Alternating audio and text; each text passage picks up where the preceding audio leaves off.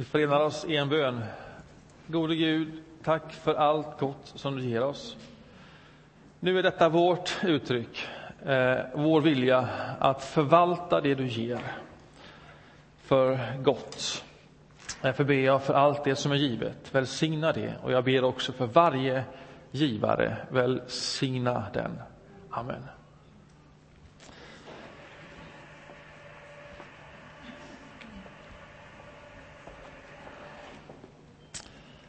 Sådär, får vi lite ljus också, så somnar vi inte till här så va. Kan jag hålla på fem minuter extra, tänker jag. Kan man hålla fred med alla människor? Det är den nätta lilla frågan för denna söndag förmiddag. Kan man hålla fred med alla människor? Ja, naturligtvis behöver man först definiera vad betyder fred? Är fred frånvaro av krig, vapenstillestånd, ja men då är det möjligt att hålla fred med alla människor. Vad betyder fred i det här sammanhanget?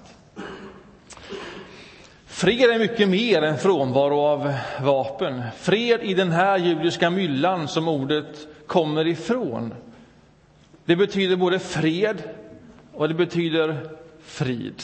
Man kan välja sätt Eh, och man kanske inte ens ska välja utan egentligen skriva ut både två, fred och frid. Kan man hålla fred och frid med alla människor? Kan man, kanske ett ännu bättre ord, kan man skapa harmoni med alla människor? För den sortens helhet rymmer det här begreppet fred. Harmoni. Alltså inte bara det som sker fysiskt mellan människor och mellan länder, utan också själsligt i en människa.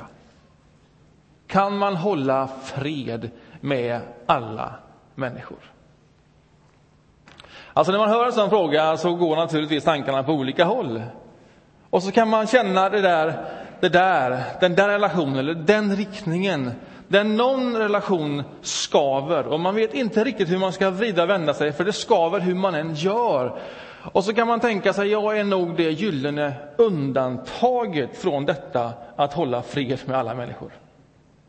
Om du tänker så, så är det förmodligen inte undantaget. Kan man hålla fred med alla människor? Eller är det en sån sak som vi lägger på varandra? Detta bör man göra. Man bör hålla fred med alla människor, men egentligen är det en helt omöjlig passning att få. Därför att det är inte möjligt att hålla fred med alla människor. Men vi lägger ändå det på varandra, för det ska man ändå. Man ska ändå hålla fred med alla människor. Och så gör man inte det och så skapar det ännu mer skuld, dåligt samvete, skum känsla. Kan man hålla fred med alla människor? Ja, vi ska läsa ur, ur Bibeln för att hitta lite vägledning där i. Om du har fått en bibel så slå gärna upp Romarbrevet. Kapitel 12 och vers 18. Sen kan du hålla en tumme där, för vi ska läsa lite mer ur samma kapitel. Nya testamentet, Romarbrevet, kapitel 12 och vers 18. Det står så här. Håll fred med alla människor så långt det är möjligt och kommer an på er. Här är ju ändå en ganska tydlig uppmaning om att faktiskt hålla fred med, just det, alla människor. Att hålla fred är ett verb, någonting som man gör. Jag skulle lika gärna kunna stå, men det hade varit dålig svenska, gör fred med alla människor. Eller gör harmoni med alla människor, så långt det är möjligt och kommer an på er. Alltså det tycks vara någonting som ligger inom räckhåll, som ligger i vår hand. Alltså det är någonting som inte bara händer, utan det är någonting man gör. Man håller fred. Som om man kan bestämma sig för att göra fred eller hålla fred. Bättre översättning. Det är som att det ligger åtminstone någonting i mitt förfogande när det kommer till fred. Och sen förstärks det där av nästa sats. Ja, men så långt det nu är möjligt och kommer an på mig. Så fred kanske ändå är någonting som är möjligt. För alla människor. Kan det vara så? Jag ska sätta den här versen i sitt större sammanhang. Kanske kan det kasta något ljus så vi inte bara rycker en vers ur ett större sammanhang. Det här börjar kapitel 12, vers 1. Här tar Paulus, som skriver det romabrevet, han tar liksom sats och så börjar han en serie argumentation som kommer fram till det vi just nu har läst om att hålla fred. Han börjar, och jag läser hela stycket eh, och sen kommenterar jag det efteråt. Han börjar så här. Därför ber jag er bröder vid Guds barmhärtighet att frambära er själva som ett levande och heligt offer som behagar Gud. Det ska vara er andliga gudstjänst. Anpassa er inte efter denna världen, utan låt er förvandlas genom förnyelsen av era tankar så att ni kan avgöra vad som är Guds vilja, det som är gott, behagar honom och är fullkomligt. I kraft av den nåd jag har fått säger jag till var och en av er, ha inte för höga tankar om er själva, utan tänk som man bör tänka, med självbesinning, så att var och en rättar sig efter det mått av tro som Gud har tilldelat honom. Ty liksom vi har en enda kropp, men många lemmar, alla med olika uppgifter, så utgör vi, fast många, en enda kropp i Kristus. Men var för sig är vi lemmar som är till för varandra. Vi har olika gåvor och allt efter den nåd vi har fått. Profetisk gåva i förhållande till vår tro, tjänandets gåva hos den som tjänar undervisningens gåva hos den som undervisar, tröstens gåva hos den som tröstar och förmanar, gåvan att frikostigt dela med sig, att vara nitisk som ledare och att med glatt hjärta visa barmhärtighet. Er kärlek ska vara uppriktig, avsky det onda, håll fast vid det goda. Visa varandra tillgivenhet och broderlig kärlek, överträffa varandra i ömsesidig aktning Slappna inte i er iver, håll er brinnande i anden, tjäna Herren, gläd er i hoppet och var uthålliga i lidandet och ihärdiga i bönen. Hjälp Guds heliga med vad de behöver. Vinnlägg er om gästfrihet. Välsigna dem som förföljer er, välsigna dem och förbanna dem inte. Gläd er med dem som gläder sig och gråt med dem som gråter. Bemöt alla lika och håll er inte för goda att umgås med dem som är ringa. Var inte självkloka, löna inte ont med ont. Tänk på vad som är riktigt för alla människor. Håll fred med alla människor så långt det är möjligt och kommer an på er. Ta inte rätten i egna händer, mina kära, utan låt Guds vrede ha sin gång, till det står skrivet, min är hämnden, jag ska utkräva den, säger Herren. Men är din fiende hungrig, ge honom att äta, är han törstig, ge honom att dricka. Då samlar du glödande kol på hans huvud. Låt dig inte besegras av det onda, utan besegra det onda med det goda. Amen. Det är en bibeltext det. Känn på den.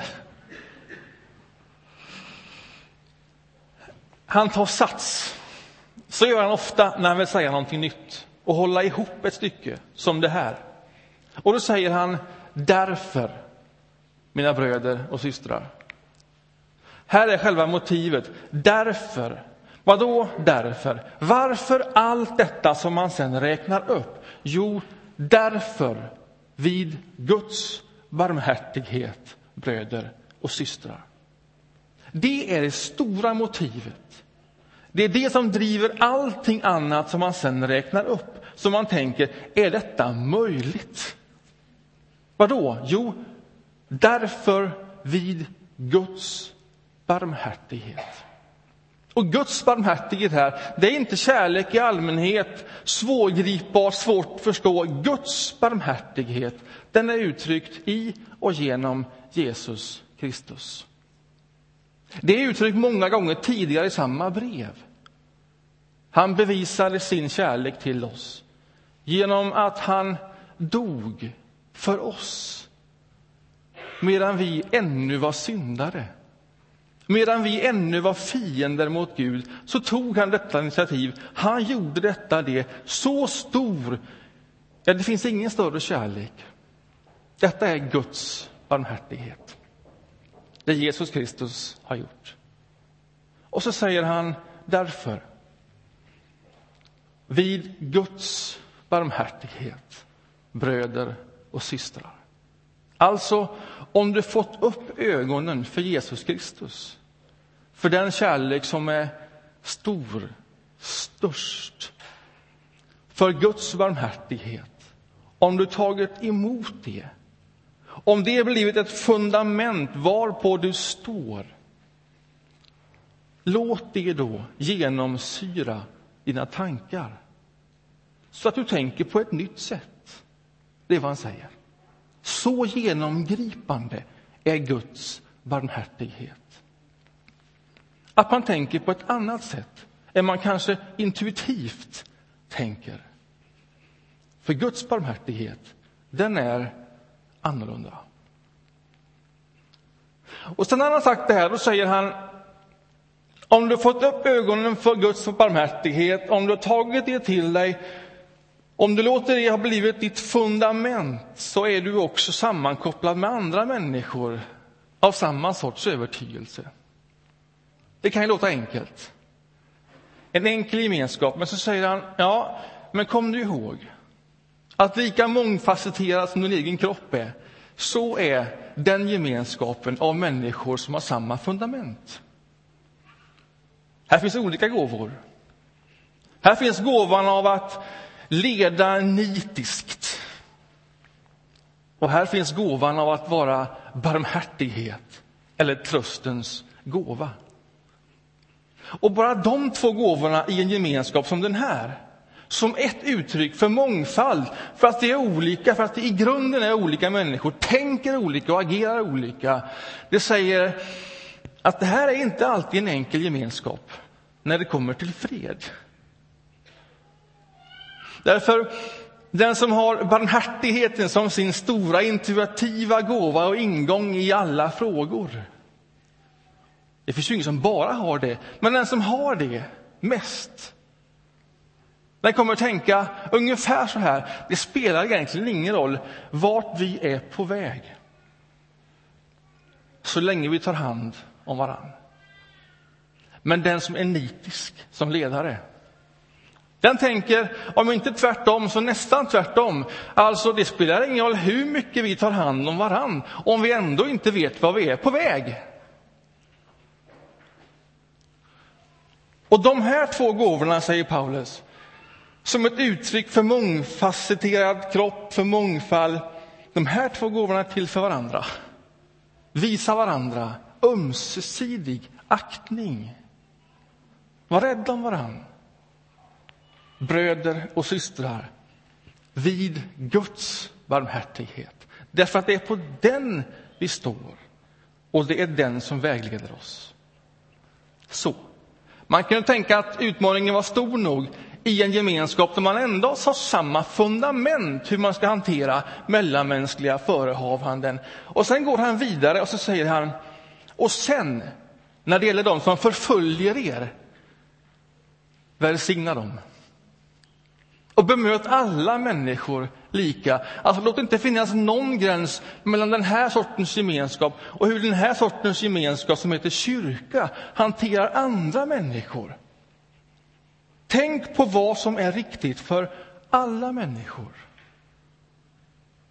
Och så kommer det till sist. Håll fred med alla människor. Så långt det är möjligt och kommer an på er. Alltså, alla människor betyder verkligen alla människor.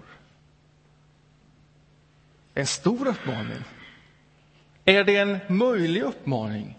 Alltså, kan man hålla fred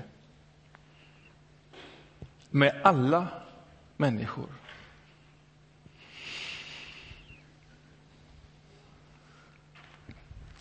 Ja, man ska tro Paulus så är det åtminstone någonting som man har i sin egen hand i hög grad. Någonting man själv bidrar till, någonting man själv gör. Så långt det nu är möjligt och kommer an på mig.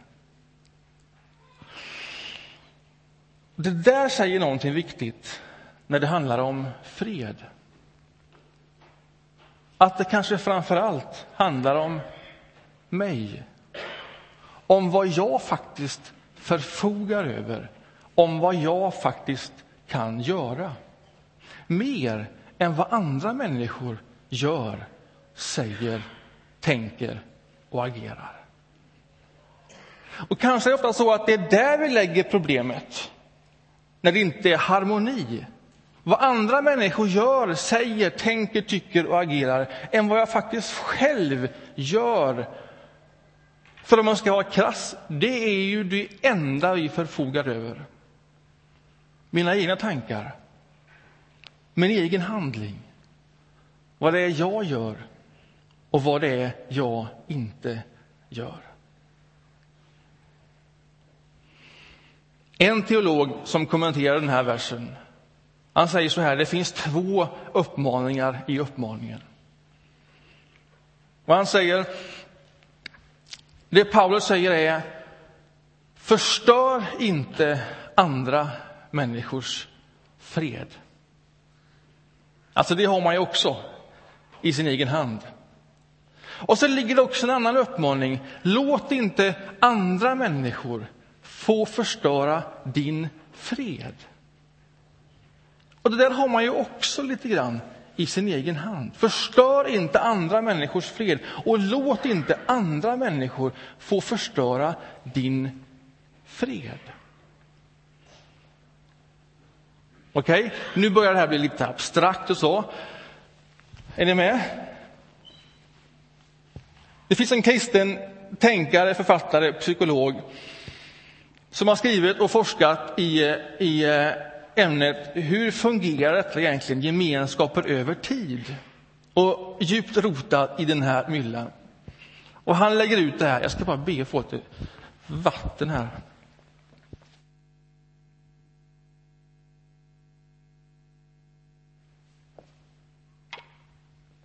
Och han har en tanke som jag tror kan hjälpa oss att bena ut det här. Vad vi faktiskt kan göra och inte göra för harmoni och fred. Han uttrycker det i en bok som heter Det svåra steget till gemenskap. Det kan vara en församling, det kan vara en familj, det kan vara en arbetsplats, det kan vara mycket bredare än så. Och då säger han så här, väldigt kort, att när vi först möts, typ här i en kyrka, och vi kommer samman, så finns det saker och ting i den här gemenskapen som man letar efter. Förmodligen sånt som man själv gillar. Sånt som man känner sig bekräftad av eller attraherad av. Alltså, vem hamnar man efter en första gudstjänst på kyrkkaffet vid? Ja, man kanske tycker om just den tröjan. Sån smak har jag också. Väldigt enkla saker. Eller man byter några ord så här och så snappar man upp någonting. Oh, den där människan åker också båt. Det gillar jag. Eller den människan jagar, tycker om skog. Det gillar jag också. Eller den människan kommer från Vetlanda. Det gör jag också. Egentligen. Och så hittar man någonting där i som gör att man connectar. Eller efter ett tag ännu mer, kanske djupare saker. Den där tycks tycka ungefär som jag, tänka som jag. Det finns något ideologiskt som för oss samman. Eller den där verkar ha ungefär samma teologi som mig. Och så söker man sig till den människan och så känner man det här är en fin gemenskap. Det här är människor som är ungefär som jag. Och sådana gemenskaper gillar ju vi. För där blir det liksom möjligt att hålla fred när man tänker ungefär som jag tänker i den här gemenskapen. Och sen dricker man det där kyrkkaffet ett par söndagar och sen efter ett par söndagar så börjar man tänka, ja, ja, det är inte, jag, jag verkar inte tycka precis som den människan i andra frågor. Man säger inte man tänker det, så går det någon söndag till och sen säger man det. Nej, jag, jag tänker faktiskt annorlunda. Jag tänker på ett annat sätt. Och då börjar man skapa lite så här obalans kring kyrkkaffebordet. Och så, och så är det någon som rycker in där och tänker, ja men det är möjligt, men egentligen tänker vi nog ändå samma sak. Och så försöker man rätta till det där så att man ändå så att säga, bevarar någon form av harmoni kring kaffet. Och sen efter ett tag så är det någon som står på sig. Nej, men jag, jag tänker faktiskt precis som jag säger att jag gör. Det är annorlunda än vad du tänker. Och så blir det lite oroligt. Sen vet man inte nästa söndag, ska man dricka kaffe där eller ska man leta upp någon annan? Så här funkar det överallt. Och att man tänker annorlunda, att det finns en mångfald i gemenskapen, det är ju inte konstigt. Här finns ledare och barmhärtiga människor sida vid sida. Men så är det, så ser det ut. Men det som, som kan skapa kaos och störa disharmonin rejält, det är när man börjar försöka bota varandra från den här åsikten. Eller omvända varandra hur man egentligen bör tänka, tro och agera. Det där tycks komma intuitivt. Man utgår naturligtvis från att man själv är liksom fullt normal. Och att det som är omkring mig behöver normaliseras. Det som min kompis här kollega Erik Holke brukar säga med erfarenhet i sjukvården, det finns inga friska människor, bara odiagnostiserade människor. Det ligger väl någonting i det. Och det där blir sällan väldigt så här, taktfullt och smakfullt när man försöker omvända varandra liksom, till den här rätta meningen. Så, va? Då uppstår någon form av kaos. Vad gör man då? Ja, då tänker man att ah, det här klarar vi inte av. Vi får organisera upp det här. Kanske bättre om ni dricker kyrkkaffe ihop och så dricker vi kyrkkaffe ihop här. Så har vi liksom harmoni igen. Och så försöker man organisera sig ut det här. Så, va? Men det där skapar ingen harmoni.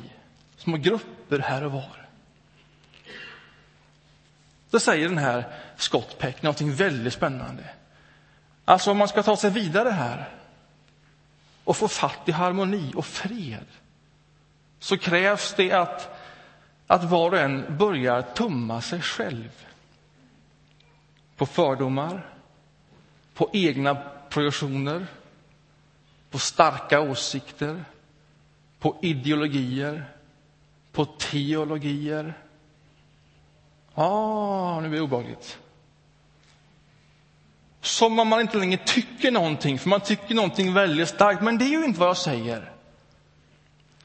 Men när det gäller det här mötet med den människan eller de här människorna så är det ju faktiskt just det som du tycker projicerar fördomar. Det är ju allt detta som står just emellan er för att det faktiskt ska bli ett möte. Och någonting måste man göra åt det. Om man inte bara ska fortsätta försöka omvända varandra och bota varandra och göra allting normalt igen. Den vägen är sällan framkomlig. Alltså, det är ju inte ens vår uppgift att omvända varandra. Det är inte ens möjligt att omvända en annan människa. Inte ens Gud omvänder en människa. En människa omvänder sig själv. När man når insikt, när man får motivation, då omvänder man sig och byter riktning. Det är ingenting som du och jag förfogar över. Det kan vi be om. Det kan vi hoppas på. Men det ligger inte i din och min hand. Det här är ju någonting av det som sker i en alfakurs. En alfakurs som är en tio veckors kurs där man håller ett föredrag, man äter någonting och sen samtalar man. Den håller på i tio veckor och de första tre, fyra, fem, sex veckorna så pågår det ett febrilt omvändande arbete. Alltså alla vill naturligtvis tala om exakt vad som är viktigt för mig. Och försöka få den andra att förstå att det är jag som är normal här. Och att det är jag som har den goda lösningen, den goda teologin, allt detta. Och så försöker man, man vill få ut, det är viktigt att bara få göra de statementen. Och till sist så är man mätt på omvändandet. Och då har det gått fem, sex, sju veckor. Och det som händer då, det är att man på allvar börjar bli intresserad av den andra människan. Man börjar lyssna lite grann. Och man börjar försiktigt tumma sig på alla sina starka åsikter. Det som står emellan ett genuint möte. Och när man lyssnar på varandra genuint där så är det precis som att då är det någonting som händer i den gruppen, i det rummet, i det sammanhanget. Det är som att där finns frihet för Guds ande att verka. Inte sällan är det där någon kommer till insikt, någon väcks till tro, omvänder sig, får ett nytt fundament att stå på. Guds barmhärtighet genom Jesus Kristus. Detta är ju en av de stora utmaningarna i alla gemenskaper. Och frågan till oss här och nu, är vi beredda att inte alltid ha rätt? Det där är ju en svår fråga. Är vi beredda att inte alltid behöva omvända en annan människa? Är vi beredda att göra oss av med någonting av det som vi har med oss in i ett sammanhang just för att det står i vägen för ett genuint möte? Är vi beredda att helt förutsättningslöst gå in och faktiskt lyssna och möta en annan människa? Där i ligger ett potentiellt oväntat under. Inte så att man kan säga att där händer någonting. Därför att det är inget som vi förfogar över. Men det är att hålla fred så långt det är möjligt och så långt det kommer an på oss. Och sen överlämnar vi utgången åt Gud. Det är det sista Paulus skriver. Ta inte rätten i egen hand, utan överlåt rätten åt Gud. Han har sista ordet. Han har det alltid. Det är en tillitshandling. Det är en tillitshandling. Jag ska avsluta nu och jag ska be en bön. Och jag ska be om två saker. Det ena jag ska be om det är mod för den som behöver mod. Att, på, att gå in i relation på ett nytt sätt. Att våga göra sig av med egna fördomar, projektioner, starka åsikter om vad som är rätt och fel Alltså göra sig av med det som står i vägen för det möte som du skulle vilja ha. Inte så att du inte längre tycker någonting starkt, men i det mötet så att du faktiskt lyssnar och är där. Jag skulle vilja be för den som behöver mod, att du fick mod. Sen skulle jag också vilja be för den som behöver bli befriad. Befriad ifrån andra människors handlingar, tankar. Alltså det som du upplever att andra människor antingen tänker om dig eller dina egna tankar att du tänker att de borde göra så eller så eller vara så eller säga så eller göra så. Jag skulle vilja befria dig från att andra människor stör din fred. Därför att det är ändå ingenting som du förfogar över. Det ligger inte i din hand. Det åker inte med på meningen så långt det är möjligt och kommer an på dig. Och det finns så mycket sånt som ligger och bara skaver. Och jag skulle vilja be Guds ande befria dig från sånt. Så att du kan hålla fred med alla människor. Så långt det är möjligt och faktiskt kommer an på dig. Går det att förstå det? Vi kan stå upp så förenar vi oss i en bön.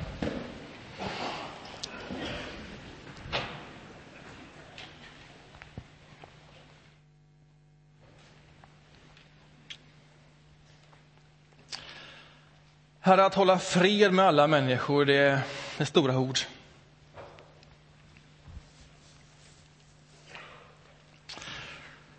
Tack för att eh, motivet till det är klart. Din barmhärtighet. Tack för att eh, vägen till det är visad, tydliggjord i dig, Jesus Kristus. Du som avstod från allt. Du som blev som en av oss. Du som antog en tjänares gestalt. Du som hade allt, men som avstod från allt. Och på så sätt vann allt.